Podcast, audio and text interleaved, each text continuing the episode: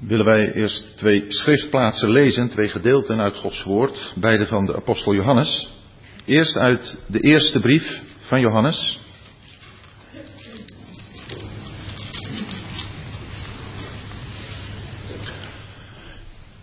Uit 1 Johannes 2.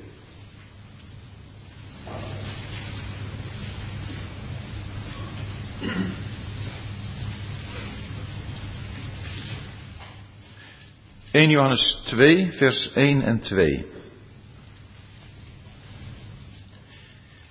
Mijn kinderen, ik schrijf u deze dingen opdat u niet zondigt.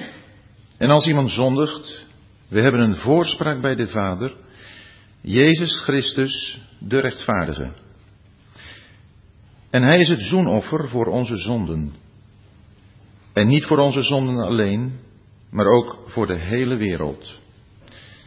En uit het evangelie van Johannes, hoofdstuk 13.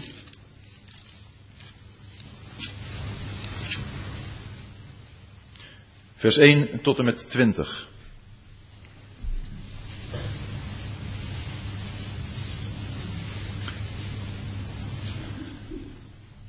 Voor het feest van het paasgaan nu heeft Jezus, die wist dat zijn uur was gekomen dat hij uit deze wereld zou overgaan naar de Vader, en die de zijnen die in de wereld waren had liefgehad, hen liefgehad tot het einde.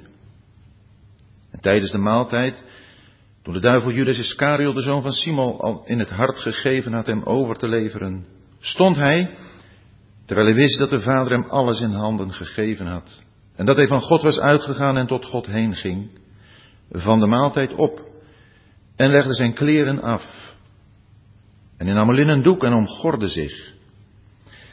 Daarna goot hij water in het bekken en begon de voeten van de discipelen te wassen en af te drogen met de linnen doek waarmee hij omgord was.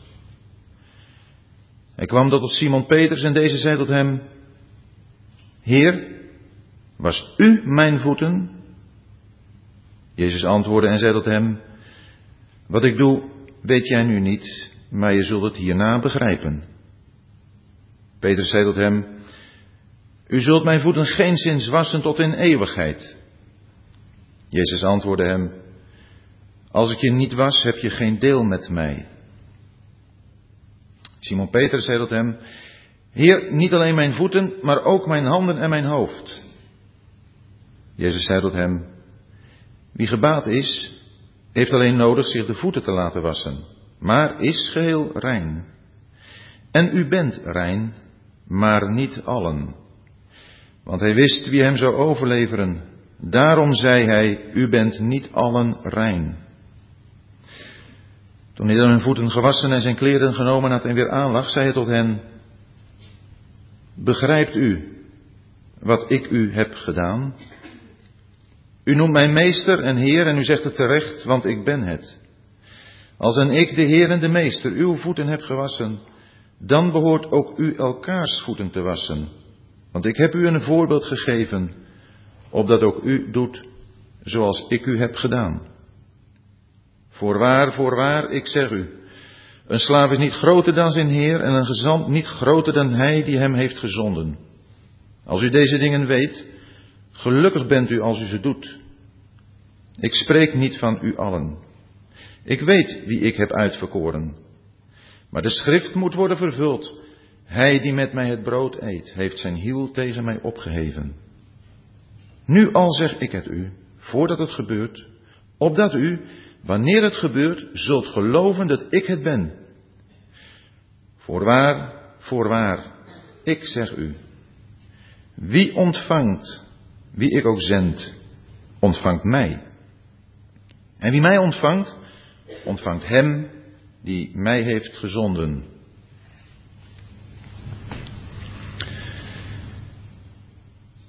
De volmaaktheid van Christus en het effect daarvan in ons leven. En we mogen vanavond nadenken over de volmaakte voorspraak.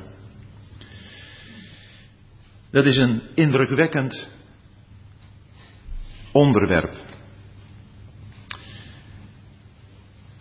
De voorspraak is iemand, en ik lees nu even de voetnoot die ik hier heb in Johannes 14, vers 26, is iemand die de zaak van een ander op zich neemt en hem te hulp komt. De parakletos. Dit doet thans de Heilige Geest op aarde en Christus in de hemel.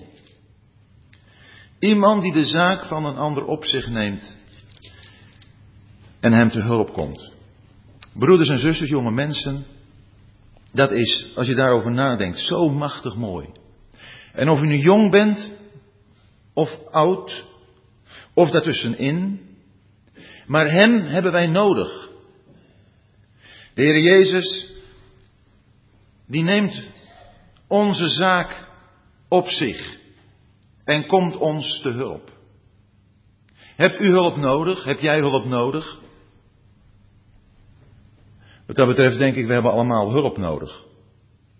Niemand van ons is in staat om op eigen kracht het einddoel te bereiken. En daar is de Heer Jezus, die ons te hulp komt. Johannes 14, vers 26 spreekt de Heer Jezus over een andere voorspraak. Dat betekent, daar wijst hij erop dat de Heilige Geest zal komen als de voorspraak. Maar daar hij zegt een andere voorspraak, betekent dat dat hij op aarde ook die voorspraak was. Hij was degene die zijn discipelen te hulp kwam, is het niet zo?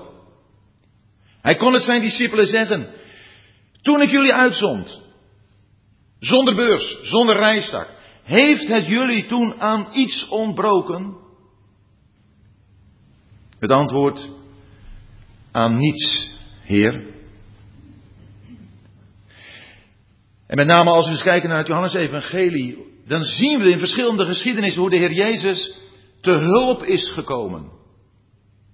Als we denken bijvoorbeeld aan de storm op het meer, waar de discipelen in het bootje waren.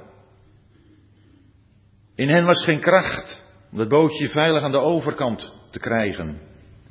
En dan komt de Heer Jezus. Als Hij aan boord komt, wordt het stil, rustig. Maakt u dat niet mee in uw leven? Dat de stormen zo hoog gaan. Dat u bang bent om te komen. Het trok me van de week toen ik s morgens voor mezelf in Matthäus las. Ik weet niet of het precies dezelfde geschiedenis is. In elk geval gaat het daar ook over de discipelen die aan boord van het schip zijn. En dan de golven slaan over het schip heen. En Jezus sliep. Ze maken de Heer wakker. En de Heer staat op. En hij spreekt een woord. Zwijg, wees stil. En er ontstond stilte. Zo mogen wij naar de Heer gaan. Komt Hij ons te hulp. Als u het moeilijk hebt in uw leven. Als u denkt ten onder te gaan aan de zorgen, aan de nood, aan de ellende die er kan zijn. En in het leven van die twee zusters, Martha en Maria, Johannes 11. Als er verdriet is, als er uitzichtloosheid is, als je maar bidt, Heer, hij, zij is ziek. En de Heer lijkt maar niet te komen. Maar hij weet het wel. Oh ja, hij is ermee bekend. Maar hij zegt het, deze ziekte is tot heerlijkheid van God. En dan komt hij bij de zusters. En wat een troost ervaren ze dan op een buitengewoon heerlijke wijze. De Heer Jezus komt te hulp. Als je geen uitzicht hebt, als het gaat om teleurstellingen. Zoals ook de discipelen Johannes 21 het hebben meegemaakt.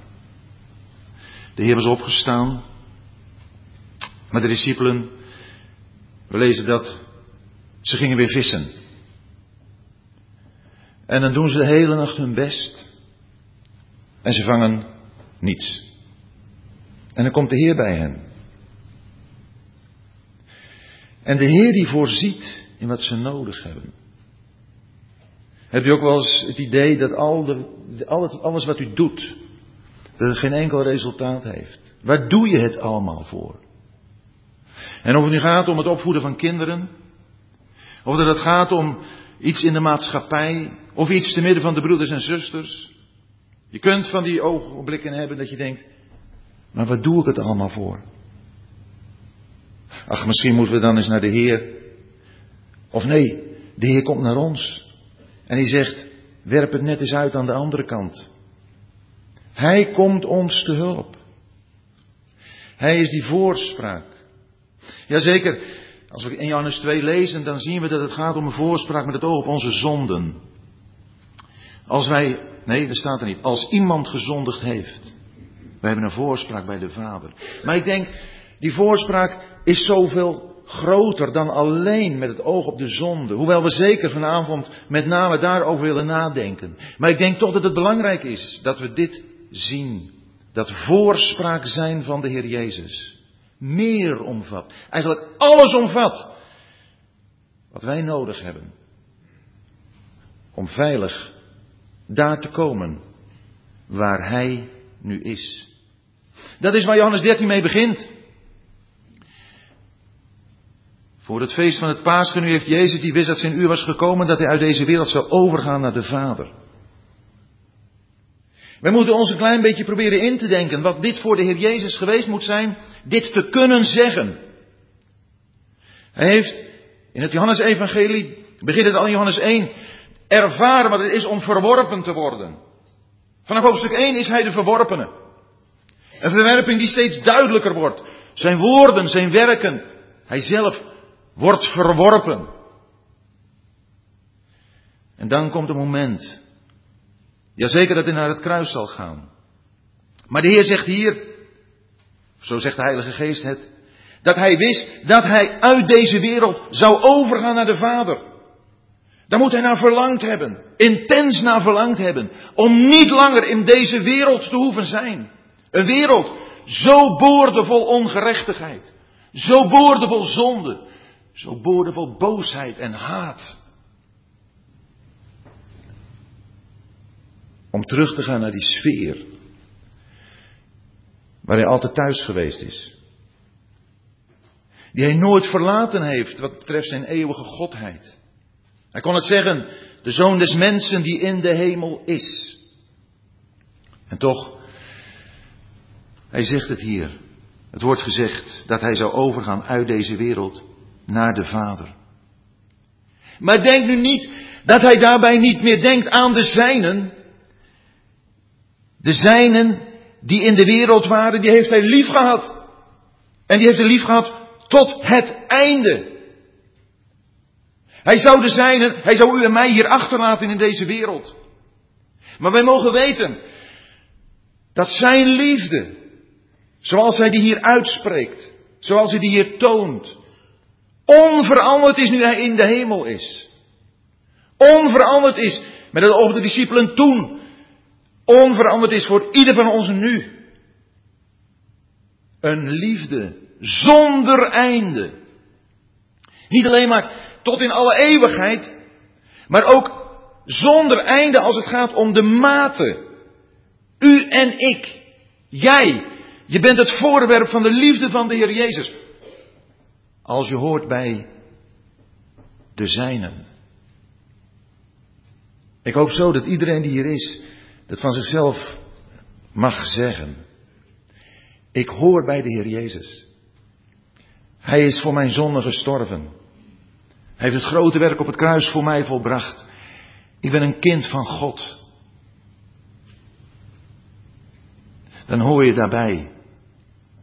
Johannes 1 staat dat de zijnen die in de wereld waren, die hebben hem niet gekend. Dat betreft het volk Israël. Maar hier gaat het om de zijnen, de kring van discipelen, die in hem hebben geloofd. En hen heeft hij lief gehad tot het einde. Onverminderd.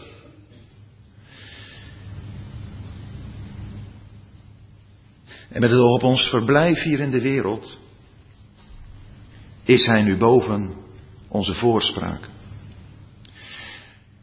Niemand weet beter dan de Heer Jezus wat het is om in deze wereld te moeten zijn. En wat de Heer Jezus heel graag wil, en waar hij nu voortdurend mee bezig is als voorspraak, dat is dat wij gemeenschap met Hem zouden houden. Want het enige wat ons kan bewaren in een wereld vol boosheid, ongerechtigheid, valkuilen, is een voortdurende gemeenschap met Hem en met de Vader. Johannes heeft geschreven in zijn eerste hoofdstuk van zijn eerste brief over die gemeenschap. Hij heeft geschreven over het wandelen in het licht. Hij heeft geschreven over het bloed van Jezus Christus, Gods Zoon, dat reinigt van alle zonde. En zo zegt hij in hoofdstuk 2, vers 1, Mijn kinderen, ik schrijf u deze dingen op dat u niet zondigt. Het is niet nodig om te zondigen. Niemand van ons heeft een excuus voor de zonde.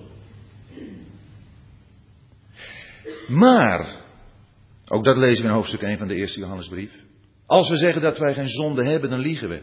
En als we zeggen dat we niet gezondigd hebben, dan zijn we leugenaars. En als iemand zondigt, dan hebben wij een voorspraak. Dat betekent dat het gaat om de individu. En het wordt niet verondersteld dat iedereen maar een beetje aanzondigt. De zonde zal iets moeten zijn wat ons als het ware overvalt. Een enkeling. Maar dan mogen we allemaal weten dat we een voorspraak hebben bij de Vader. En wie is dat? Dat is Jezus Christus, de rechtvaardige. Wat wil dat zeggen? Ieder kind van God mag weten. Ik ben in Christus gerechtigheid van God. De Vader ziet mij in de Zoon. Ik ben mij dat op een bepaald moment niet meer bewust. Ik realiseer mij dat niet meer. Ik ben vanuit die gemeenschap weg omdat een zonde in mijn leven heeft plaatsgevonden. Een zonde die ook in gedachten al kan plaatsvinden. En voor zover we hier zijn en door Gods genade een opvoeding hebben mogen hebben in een christelijk gezin, denk ik dat de meeste zonden die wij doen, de zonden van onze gedachten zijn. De zonden die in ons hart opkomen en die we voeden. Die we voeden misschien wel door het kijken naar dingen waar we niet naar moeten kijken. Of het bedenken van dingen die we niet moeten bedenken. En zodra dat gebeurt, is de gemeenschap met de Vader verbroken. En dan is daar de Heer Jezus als de voorspraak. En Hij is dan bezig. Zodra wij gezondigd hebben, bij de Vader en naar ons toe, om ons dat indachtig te maken. Naar de Vader toe kan Hij zeggen, voor hem of voor haar heb ik mijn leven gegeven. Want we hebben gelezen, Hij is het zoenoffer voor onze zonden. En niet voor onze zonden alleen, maar voor de hele wereld. Dat betekent, dat betekent natuurlijk niet dat de hele wereld behouden wordt. Maar zijn offer is zo groot dat de hele wereld behouden zou kunnen worden. En voor ons betekent het, er is geen zonde zo groot en er zijn geen zonden zoveel. Of zijn zoenoffer is groot genoeg om dat te vergeven. En zo gaat hij naar de Vader.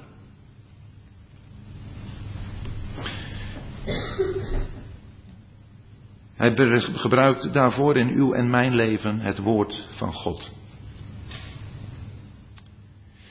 Een prachtig voorbeeld, bekend, maar altijd weer indrukwekkend, is dat van Petrus, die de Heer driemaal heeft verlogend. En de Heer Jezus heeft het al van tevoren gezegd, Petrus, voordat de haan tweemaal kraait, zul je mij driemaal verloochenen. En de Satan die heeft heel erg begeerd om jullie discipelen te ziften als de tarwe.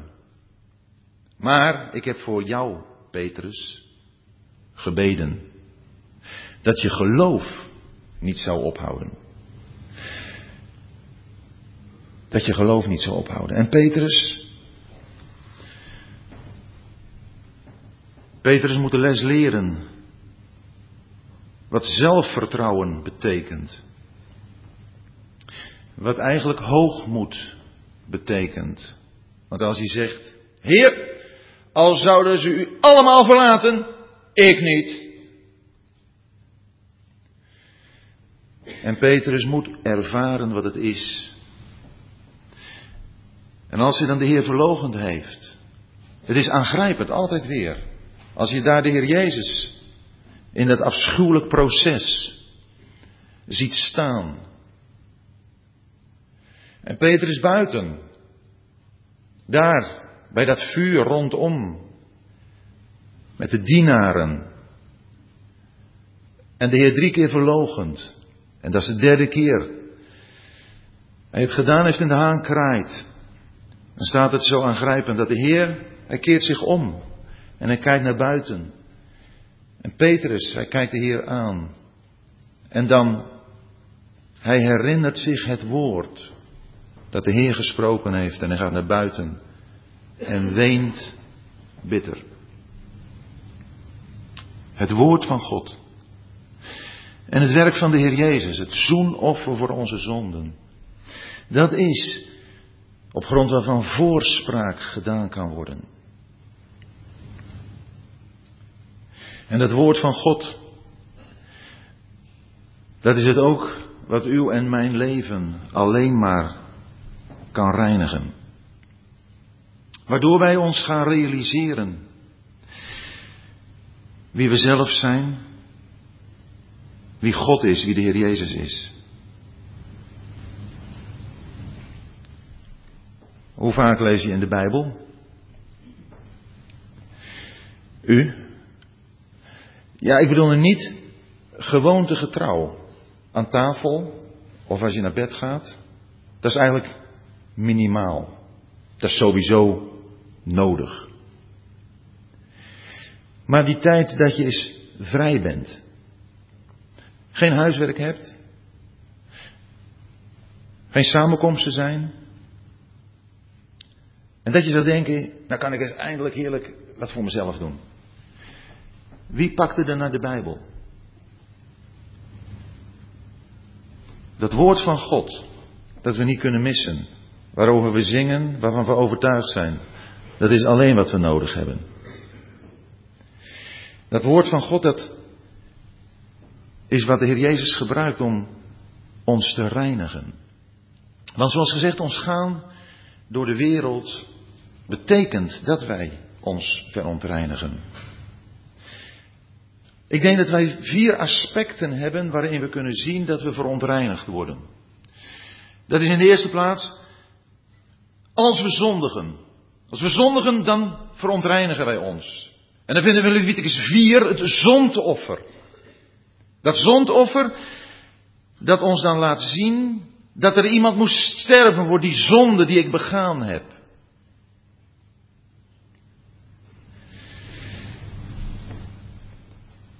Er is nog een tweede vorm van reiniging. En die heeft te maken door het gaan door deze wereld en de verontreiniging die dat sowieso met zich mee kan brengen. Als je in de auto zit en je ziet reclameborden, nou je moet ze beter niet zien. Ook geen kans op ongelukken. Maar het kan zomaar gebeuren. Dan ben je verontreinigd. En dan zegt Gods woord in nummer 19 dat we het onzondigingswater nodig hebben. Dat is een verontreiniging die onze wandel in de woestijn met zich meebrengt. Er is nog een vorm van reiniging die we moeten ondergaan en die heeft te maken met ons gaan in het heiligdom. Vinden we in beeld in het Oude Testament. Als de priesters het heiligdom binnengaan, dan moesten ze in het wasvat hun handen en hun voeten wassen. Dat wil zeggen, Als wij het heiligdom binnengaan, dan moeten wij gereinigd zijn. En ik denk dat dat te maken heeft met zelfoordeel. Als wij het heiligdom binnengaan, dan moeten wij ons realiseren dat wij oog in oog komen te staan met de driemaal heilige God. Dat is niet iets om bang te worden, behalve als je weet, eigenlijk zijn er in mijn leven dingen, of is er net iets gebeurd, wat ik eerst nog in orde moet maken. Maar die reiniging door het wasvat, die is nodig met het oog op ons staan in het heiligdom. Dus de directe zonde, de wandel in de woestijn en het staan in het heiligdom. En we hebben daarvoor beelden in het Oude Testament. Wat wij hier in Johannes 13 gelezen hebben, gaat nog een stap verder. Is wel terug te vinden in die beelden, maar eigenlijk ook niet helemaal. Want wat we hier hebben, is het grote voorbeeld van de Heer Jezus zelf. En waar het hier om gaat is niet wandelen in de woestijn, niet staan in het heiligdom, maar aanliggen in de schoot van de Heer Jezus. Om gemeenschap te hebben met de Vader en de Zoon. En dat, dat kijkt heel erg nauw. Zoals dat andere ook allemaal heel erg nauw kijkt. Maar gemeenschap, dat is iets heel bijzonders. Daar kon eigenlijk alleen Johannes over schrijven. En hij schrijft in zijn eerste brief daarover dan ook dat hij zou zo graag willen dat ze, de, degene aan wie hij schreef, met hen, de apostelen, gemeenschap zouden hebben. Want onze gemeenschap, zegt hij, is met de Vader en met zijn Zoon. En dan is die blijdschap ook volkomen. Gemeenschap betekent niet dat je altijd met elkaar aan het praten bent. Als ik thuis ben en ik zit wat te lezen of ik ben wat aan het schrijven, mijn vrouw zit in de kamer en leest een boek, dan gaat er best wel eens een poosje voorbij dat we niet met elkaar praten. Maar dan heb je wel gemeenschap met elkaar. Je bent in elkaars tegenwoordigheid. Allerlei dingen die wij overdag doen in ons werk, kunnen wij niet aan de Heer denken. En toch zal er het bewustzijn aanwezig zijn dat je onder Gods oog bezig bent. Niet Gods spiedende oog, maar Gods liefhebbende oog. Die wil dat wij in alle aspecten van ons leven gemeenschap hebben met Hem. En zeker, natuurlijk, als wij samenkomen en ook als wij thuis zijn en, en speciaal die gemeenschap mogen beleven, genieten, dan, dan kan je hart vol vreugde zijn. Maar gemeenschap is iets wat er voortdurend mag zijn. En nog een keer, niet voor oude of oudere broeders en zusters, maar voor de jongste in het geloof. Gemeenschap. Gemeenschap wil zeggen hetzelfde deel hebben. En dat is waar de Heer Jezus ons in wil binnenvoeren en wat hij doet in Johannes 13. Hij zou uitgaan uit de wereld naar de Vader. En dan lees je daar in vers 2 zo heel typisch tussendoor en tijdens de maaltijd toen de duivel Judas Iscariot, de zoon van Simon, al in het hart gegeven had hem over te leveren. Ik denk dat dat ons duidelijk moet maken wat de donkere achtergrond is.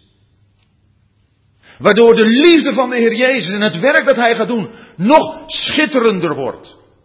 Als je hier de kille boosaardigheid van het verraad van een Judas, hem ingegeven door Satan, ziet. Is het dan niet zo dat de liefde van de Heer Jezus stralend en vol warmte naar de zijnen gaat? Naar u en mij, naar jou en mij? Hebben wij nog besef van de boosheid en de haat van deze wereld? Dat alles, alles in deze wereld erop gericht is om u en mij, om jou en mij. Maar niet in gemeenschap te doen zijn met de Vader en de Zoon. Het hele systeem van de wereld. Waarvan Johannes zegt, de wereld ligt in het boze. En de Heer Jezus weet dat wij hier zijn. En hij weet precies wat wij meemaken, omdat hij hier geweest is. En dat hij nu boven is, op dit moment, gaat al zijn aandacht naar u en mij uit. Nu op dit moment. Nu mogen we ons bezighouden met een bijzonder onderwerp. Maar ook als de Heer nog niet komt en we verlaten deze gelegenheid. En we hebben nog een aantal of een periode te gaan in deze wereld. Dan is Hij daar. En is Hij bezig om als voorspraak voor ons te bezig te zijn. En dan staat Hij van de maaltijd op. In vers 3. Terwijl hij wist dat de vader hem alles in de handen gegeven had. Wat had de vader hem in de handen gegeven? Dat wil zeggen, het heelal. Het behoort hem toe. Het is allemaal in zijn handen. Oh, het behoorde hem toe, want hij is de schepper. Hij is de zoon. Maar hij heeft het hier als mens van de Vader in de handen gekregen. Die almachtige handen waarmee hij het heelal draagt. En wat doet hij? Met die handen pakt hij water. Doet hij dat in een bekken. Neemt hij een doek en omgort hij zich. Het omgorden spreekt van dienen. De Heer Jezus, Hij is hier op aarde gekomen om te dienen. U en mij te dienen. Een dienst die zo indrukwekkend nederig is. Dat, als de Heer bij Petrus komt, zegt, Heer, was u mijn voeten? En de Heer Jezus gaat hier een voorbeeld geven van nederigheid. Het thema is ook de volmaaktheid van Christus en het effect daarvan in ons leven. Wel, het wordt ons niet moeilijk gemaakt wat het effect hiervan in ons leven behoort te zijn. De Heer heeft het allemaal uitgelegd. We komen daar nog wel bij. Maar Petrus, Petrus, oh zeker, hij achtte de Heer zeer hoog. Te hoog eigenlijk voor die dienst. Maar ook als wij op een dergelijke manier reageren, dan hebben wij nog niet begrepen hoe nodig het was dat de Heer Jezus zich vernederde. Ik denk dat Petrus het later begrepen heeft. In 1 Petrus 5, vers 5, daar zegt hij dat wij tegenover elkaar met nederigheid om God zouden zijn. Nederigheid. Petrus wilde er niet aan. Maar wij zullen dat niet maar theologisch met kennis moeten erkennen en daarmee instemmen. Het is van het grootste belang dat u en ik dat diep in onze harten voelen. Dat niets minder dan de komst van de Almachtige, eeuwige Zoon in deze wereld, in vernedering, nodig was om u en mij deel te kunnen laten hebben aan de gemeenschap met de Vader en met de Zoon. Broeders en zussen, jonge mensen, dat is waar het hart van God vol van is. En dat is waar, als het goed is, ook ons hart steeds voller van wordt. En dat is waar de Heer Jezus aan werkt, bij u en bij mij. Hij stond van de maaltijd op Terwijl hij wist dat de Vader hem alles in de handen had gegeven en dat hij van God was uitgegaan en tot God heen ging. Als we lezen in de Bijbel over de Vader, dan kunnen we zeggen, denk ik, dat we daarin voorrechten en zegeningen mogen zien, die u en ik als kinderen van God mogen kennen. De Vader. Als er sprake is van God, dan gaat het om God in zijn heiligheid en gerechtigheid. En onze verantwoordelijkheid. Die twee horen altijd bij elkaar. De Heer Jezus, hij staat er van de maaltijd op en legt zijn kleren af. Ach, het is of je Filippi 2 leest. Waar we hebben hoe de Heer Jezus, die het geen roof hoefde te achter God gelijk te zijn, zichzelf heeft ontledigd. En dat hij de mensen gelijk is geworden. En dat hij onder de mensen de plaats van een slaaf heeft ingenomen. En je ziet daar die twaalf mannen liggen. En ze hebben het, ze hebben het waargenomen dat de Heer Jezus erop stond. En ze hebben gezien hoe hij water in dat bekken deed. En hoe hij daar de voeten van de discipelen begint te wassen en af te drogen met de linnen doek waarmee hij omgord was.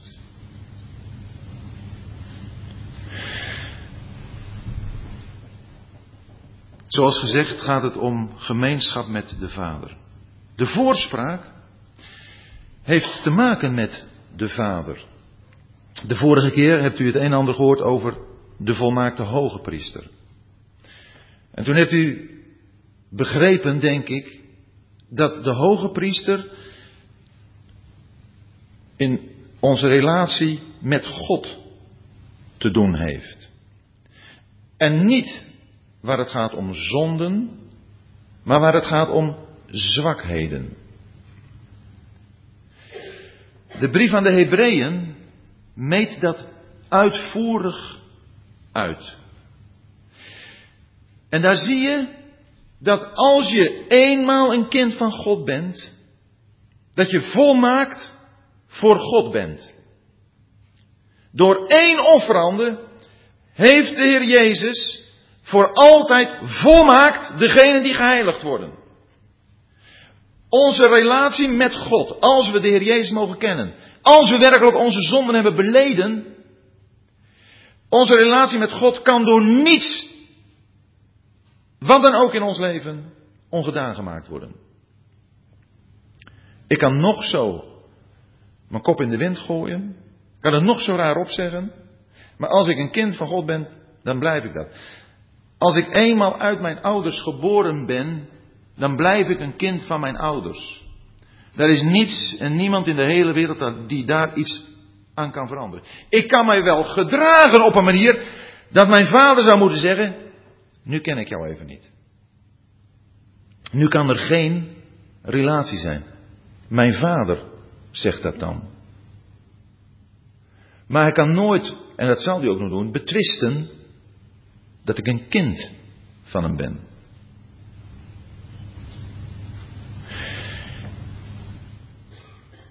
Als schepselen op aarde, vanuit die relatie met God, hebben wij te maken met zwakheden.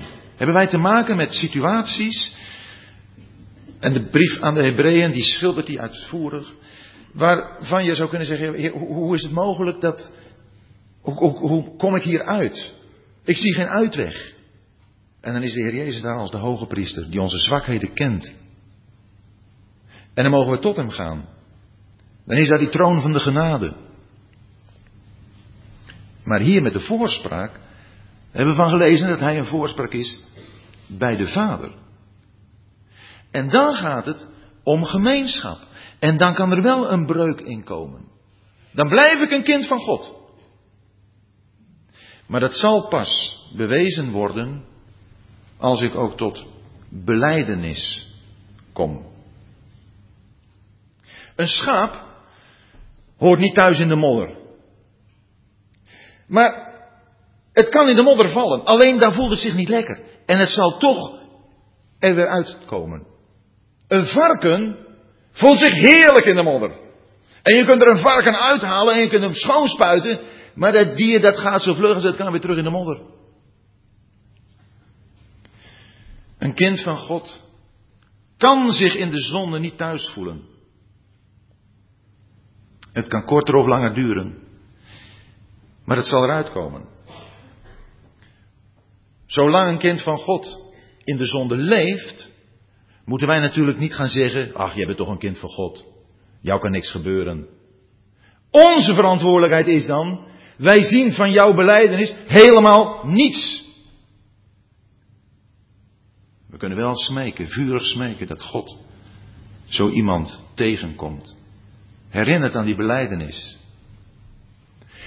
Waar we het vanavond over hebben is de gekende relatie met de Vader. Die onderbroken wordt door de zonde. En die Heer Jezus die gaat dan de voeten van de discipelen wassen. Die voetwassing hebben wij nodig, zoals gezegd. Ik denk meer dan ooit. Niet alleen het gaan door deze wereld verontreinigt ons, maar ook de digitale wereld die in onze huizen binnen is gekomen. Soms noodzakelijk. Er kunnen een heleboel aspecten in zijn. Jonge mensen tegenwoordig kunnen niet meer zonder, want het wordt gewoon gevraagd van school. Dat ze bepaalde programma's uh, van internet halen. Zelfs roosters moet je van internet halen.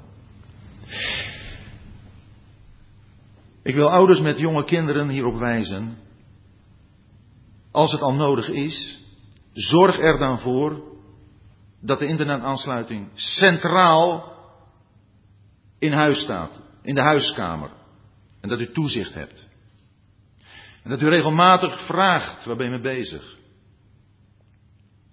Niemand van onze jonge mensen, maar ook niemand van ons ouderen, die met dit medium te doen heeft, is te goed om toch niet een keer uit nieuwsgierigheid ergens te kijken waarvan je weet, dat moet je niet doen. We hoeven elkaar geen verwijten te maken, we moeten elkaar waarschuwen. En we moeten elkaar helpen om kwaad niet de gelegenheid te krijgen te geven zich te uiten. Toen internet er niet was, waren er andere dingen. In mijn jeugd had ik andere dingen waarmee ik me kon verontreinigen en heb verontreinigd. Het kwaad zit in ons hart. Maar meer dan ooit dringt het kwaad zich op. En de verontreiniging grijpt om zich heen. En het stiekeme wat daarmee te maken heeft, het wreekt zich en komt een keer tot uiting.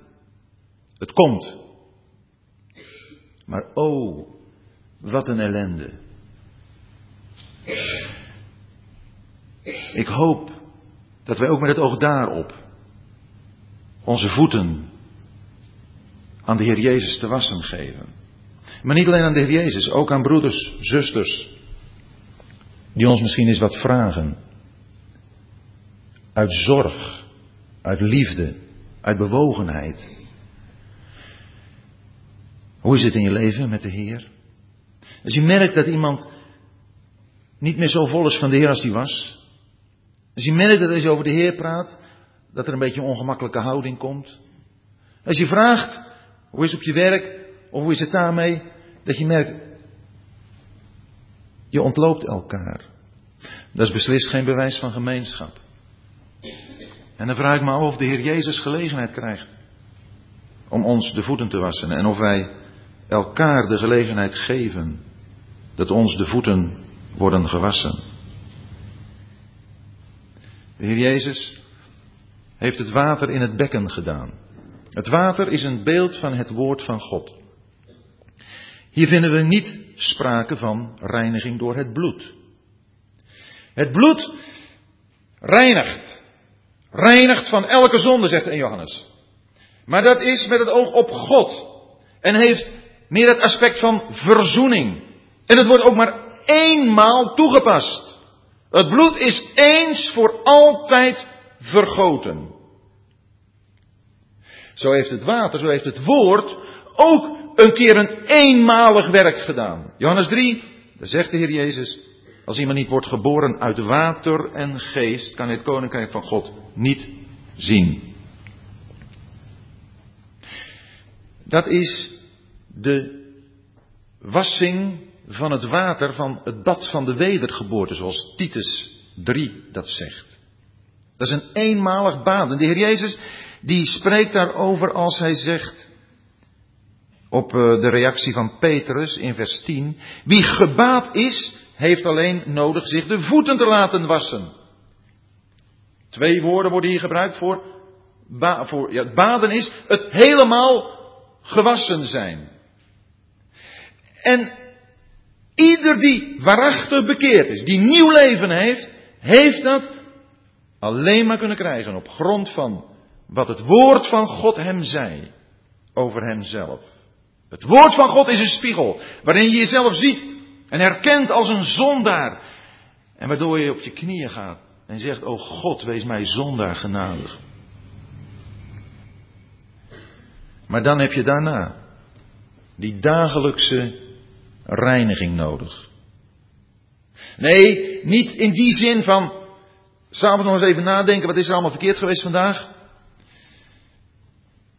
Maar zodra je ervaart, er is iets niet goed gegaan. Ik heb me even laten gaan. Als vader of moeder naar je kind toe. Als collega. Naar de buren. Broers en zussen onder elkaar. Broeders en zusters onder elkaar. Als je merkt, er is iets gebeurd, ik heb iets gedaan, iets gezegd, dat is niet in orde. Dan kun je direct beleiden. Dan is dat de voorspraak van de Heer Jezus, die op dat moment bezig is om jou dat indachtig te maken, om u dat indachtig te maken. Opdat u het beleidt. Beleidenis. Dat is wat de Heer wil bewerken. Erkenning van zonden.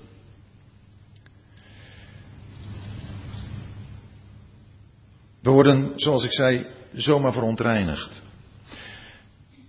Nog een keer internet. Want ik denk dat dat een grote kwaad is. En ik zal dat regelmatig, waar ik ook kom, naar voren brengen. Want de ongelukken stapelen zich op. Als je al iets moet doen op internet, bid de Heer. Of er geen dingen gebeuren met het ding die je niet meer in de hand hebt. Bid de Heer of hij je wil bewaren.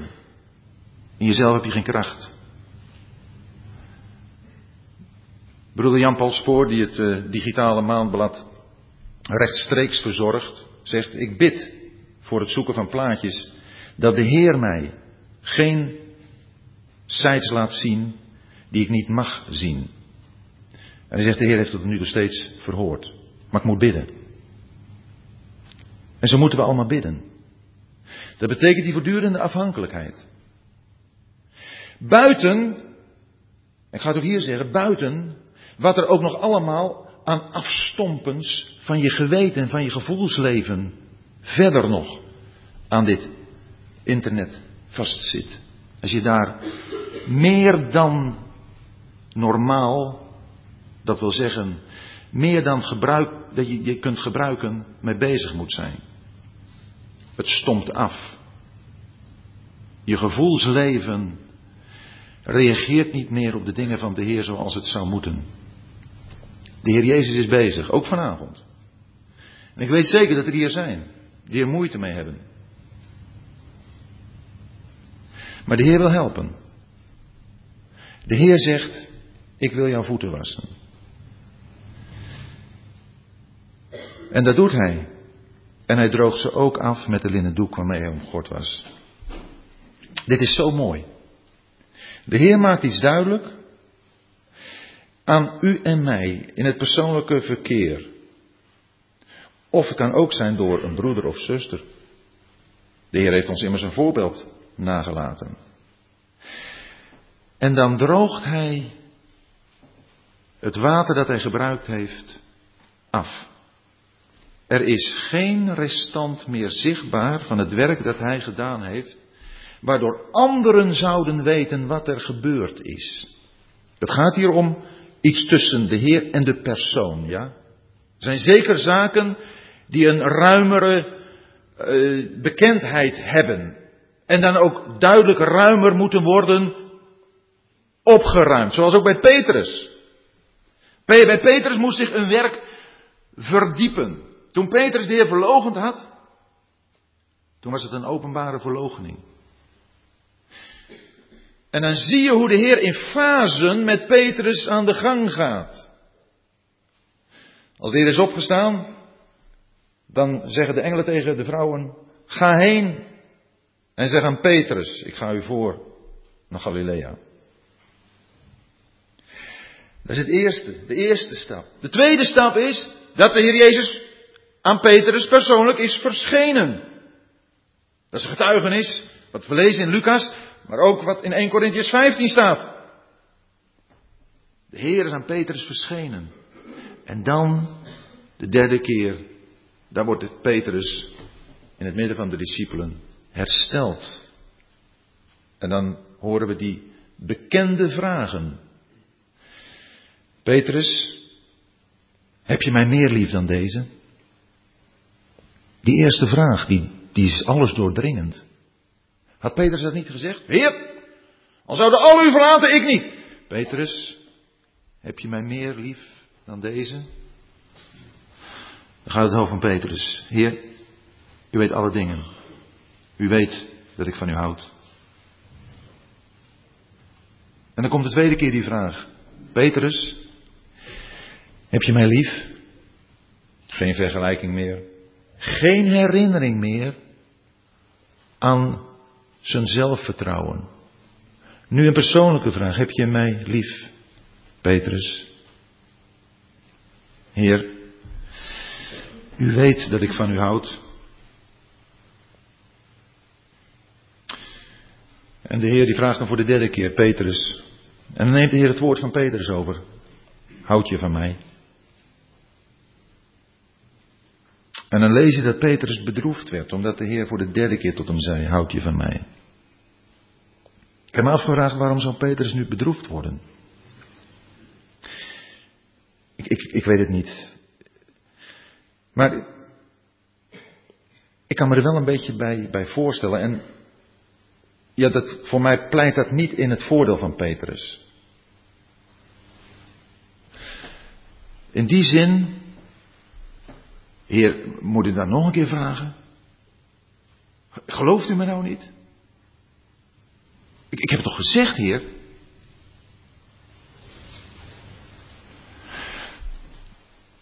Is het ook niet zo bij ons?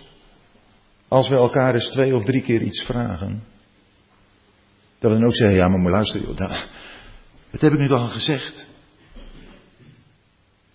Wij moeten leren dat in ons in onszelf er niets is waarop wij ook maar enige, waarop ook maar enige, enigszins trots kunnen zijn, waarop we ook maar enige aanspraak kunnen maken alsof dat goed zou zijn. Maar de genade van de Heer, die, die gaat er helemaal overheen. En Petrus krijgt elke keer een opdracht. Want de Heer die doet dingen niet om ons aan de kant te zetten. De Heer die doet alles in ons leven, in jouw leven, in mijn leven, om ons steeds meer bekwaam te maken om een taak voor Hem te verrichten. En dan krijgt Petrus het kostbaarste van wat er is voor het hart van de Heer Jezus toevertrouwd. En dat zijn zijn schapen en zijn lammeren. Het zijn de zijnen. Het zijn diegenen die door de Vader aan de Heer Jezus gegeven zijn. En de Heer Jezus zegt, Petrus, die vertrouw ik jou toe. Petrus? Ja, Petrus. Want Petrus heeft zijn les geleerd. En ik bewonder de genade van God in mijn eigen leven. Mevrouw en ik hebben het regelmatig over de laatste tijd. Hoe groot die genade van God is. Hoe groot dat geduld van God is met mij, met ons. Onvoorstelbaar groot. Dat Hij doorgaat. En mij doorgaat. En ons niet aan de kant schuift.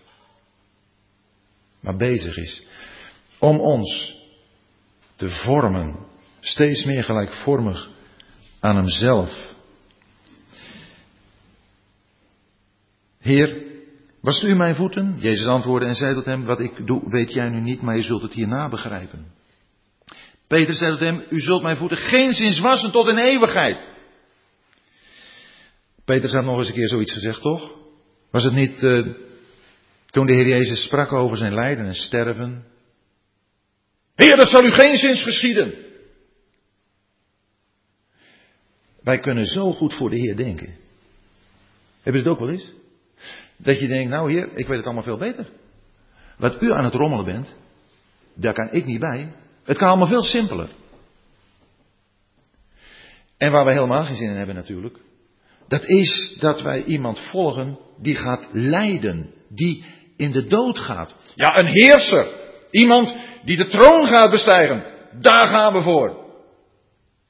Maar met hem lijden. En zijn werk, zijn nederig werk aan ons laten doen. Daar hebben we best wel eens moeite mee. We herkennen ons denk ik wel wat in Petrus. Maar elke tegenwerking van Petrus, daar komt een prachtig antwoord van de Heer overheen. Jezus antwoordde hem, als ik je niet was, heb je geen deel met mij. Niet deel aan mij. Petrus had deel aan de Heer Jezus. Maar deel met mij. En wat was het deel van de Heer Jezus? We hebben dat gelezen eerder. Dat de Vader hem alle dingen in de handen had gegeven. Dat mogen u en ik delen. Dat is wat de Heer Jezus zegt. We mogen alles met hem delen. Omdat we bij hem horen. En is dat niet een, een geweldig motief? Een bijzondere bemoediging. Dat wij het werk dat hij zo graag bij ons wil doen aan ons laten gebeuren. En dan valt Petrus in het andere uiterste. Heer, niet alleen mijn voeten, maar ook mijn handen en mijn hoofd. Ja, natuurlijk. Wij slingeren van links naar rechts en van rechts naar links. En waar is de balans? De balans is waar de Heer Jezus is en wat Hij doet. U en ik, we hebben allemaal onze uitschieters. En we moeten leren om daar te komen waar de Heer ons hebben wil. En de Heer Jezus zegt dan ook, wie gebaat is, heeft alleen nodig zich de voeten te laten wassen, maar is geheel rein. De voeten wassen, de voeten die spreken van onze wandel door deze wereld. Zoals gezegd, in het Oude Testament was daar het wasvat. Dat wasvat, dat had geen afmetingen. Daar staan geen afmetingen van in de Bijbel. Dat betekent, die reiniging van de Heer Jezus is onbegrensd. Hij wil altijd reinigen. Hij wil u en mij altijd reinigen. Daar is hij altijd mee bezig. Zet hij zich altijd voor in. Zelfs als wij zeggen, als Petrus, Heer, dan dit maar niet, of dan dat maar wel. De Heer is bezig. Vol geduld. En dan, toen hij hem de voeten gewassen had en zijn kleren genomen had en weer aandacht zei tot hen, begrijpt u wat ik u heb gedaan? Begrijpt u?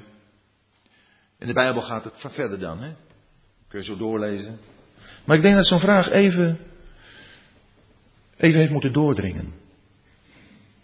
Begrijpt u wat ik u heb gedaan? Begrijpen wij wat de Heer Jezus hier heeft gedaan? Hij heeft nederig dienstwerk gedaan. Hij heeft noodzakelijk dienstwerk gedaan. Hij heeft gezegend dienstwerk gedaan. Hij zou weggaan. En het is van belang dat hij begrijpt wat hij heeft gedaan met het oog op wat volgt. U noemt mij meester en heer. Meester betekent iemand die onderwijs geeft. En niet alleen maar door te spreken, maar ook door zijn hele gedrag. Hij beeldt uit wat hij leert. Hij onderwijst door wat hij doet. Hebben de Heer Jezus gezien dat hij heeft gebukt? Hij heeft de voeten van de discipelen gewassen, niet hun oren. Om voeten te wassen moet je bukken, nederig willen zijn. Zo, zegt de Heer, ben ik geweest. Jullie meester en Heer. Dat betekent degene die gezag heeft. Als dan ik de Heer en de Meester uw voeten hebt gewassen, dan behoort ook u elkaars voeten te wassen. Want ik heb u een voorbeeld gegeven. Opdat ook u doet zoals ik u gedaan heb. De Heer Jezus heeft een voorbeeld gegeven. En wat doe je met een voorbeeld? Een voorbeeld, daar moet je aandachtig naar kijken. Dat moet je waarnemen. Maar dan niet als een, eh, een buitenstaander, maar als een betrokkene. Iemand die er helemaal in opgaat en het in zich opneemt. Opdat wij zouden kunnen doen zoals hij gedaan heeft. Voorwaar, voorwaar, ik zeg u, een slaaf is niet groter dan zijn Heer en een gezant niet groter dan hij die hem heeft gezonden. De Heer Jezus heeft dit gedaan en nu zijn u en ik, jij en ik, gehouden om dit werk te gaan doen. En dat is moeilijk werk. Ik heb laatst een pootjes nagedacht over opzienerschap. Over herderdienst. Iemand zei, als je de Heer wilt dienen, met wat, wat vreugde in je hart, met wat zicht op resultaat, met niet al te veel problemen, dan moet je evangelist worden.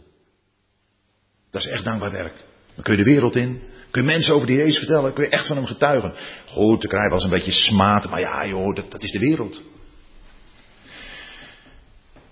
Als je moeilijk werk wil hebben, ondankbaar werk,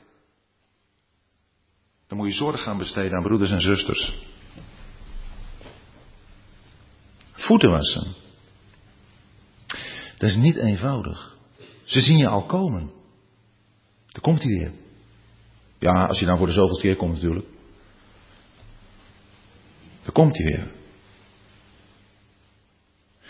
En in deze tijd van individualisme verdwijnt de hele saamhorigheid ook in de gemeente van God. Ieder gaat zijn eigen leven en we moeten niet te veel meer met elkaar te maken hebben. Het wordt bar snel als bemoeizucht ervaren.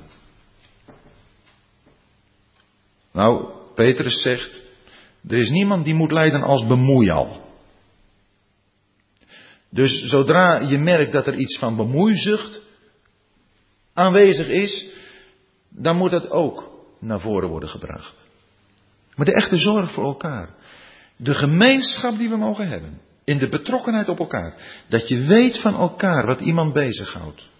Ook wat iemands zorgen en problemen zijn. Zonder dat je over elkaar heerst en precies zegt wat de ander moet doen. Dat is dat uitgebalanceerd proberen te zijn. Maar die zorg voor elkaar, als er echte liefde is voor elkaar, dan zullen we bereid willen zijn de voeten van de ander te wassen. Je ziet dat de ander met dingen bezig is, of een weg opgaat die van de Heer afwijkt, waardoor het hart niet in gemeenschap meer is met de Vader, waardoor ook de gemeenschap onder elkaar niet meer kan worden beleefd zoals die behoort, zoals die mag zijn. Dan moet je erover spreken. Omdat je weet dat de ander dan niet gelukkig kan zijn. En bovenal, de Heer niet. Ach, natuurlijk, de Heer is de alleen gelukkige God. Maar het zal hem toch verdriet doen. Het zal hem ook verdriet doen als wij, als ik, niet bereid ben om voeten van een ander te wassen. Want wij zijn niet groter dan de Heer. De Heer heeft het gedaan. En daarom moeten wij het doen. En dit is niet een taak voor alleen een bepaalde broeder van een bepaalde categorie of een bepaalde zuster met bepaalde capaciteiten. Helemaal niet. Dit zegt de Heer tot zijn discipelen. Dat geldt in het gezin, voor de kinderen onder elkaar. Maar ook voor de ouders naar de kinderen en voor de kinderen en de ouders. Voor ons als gelovigen.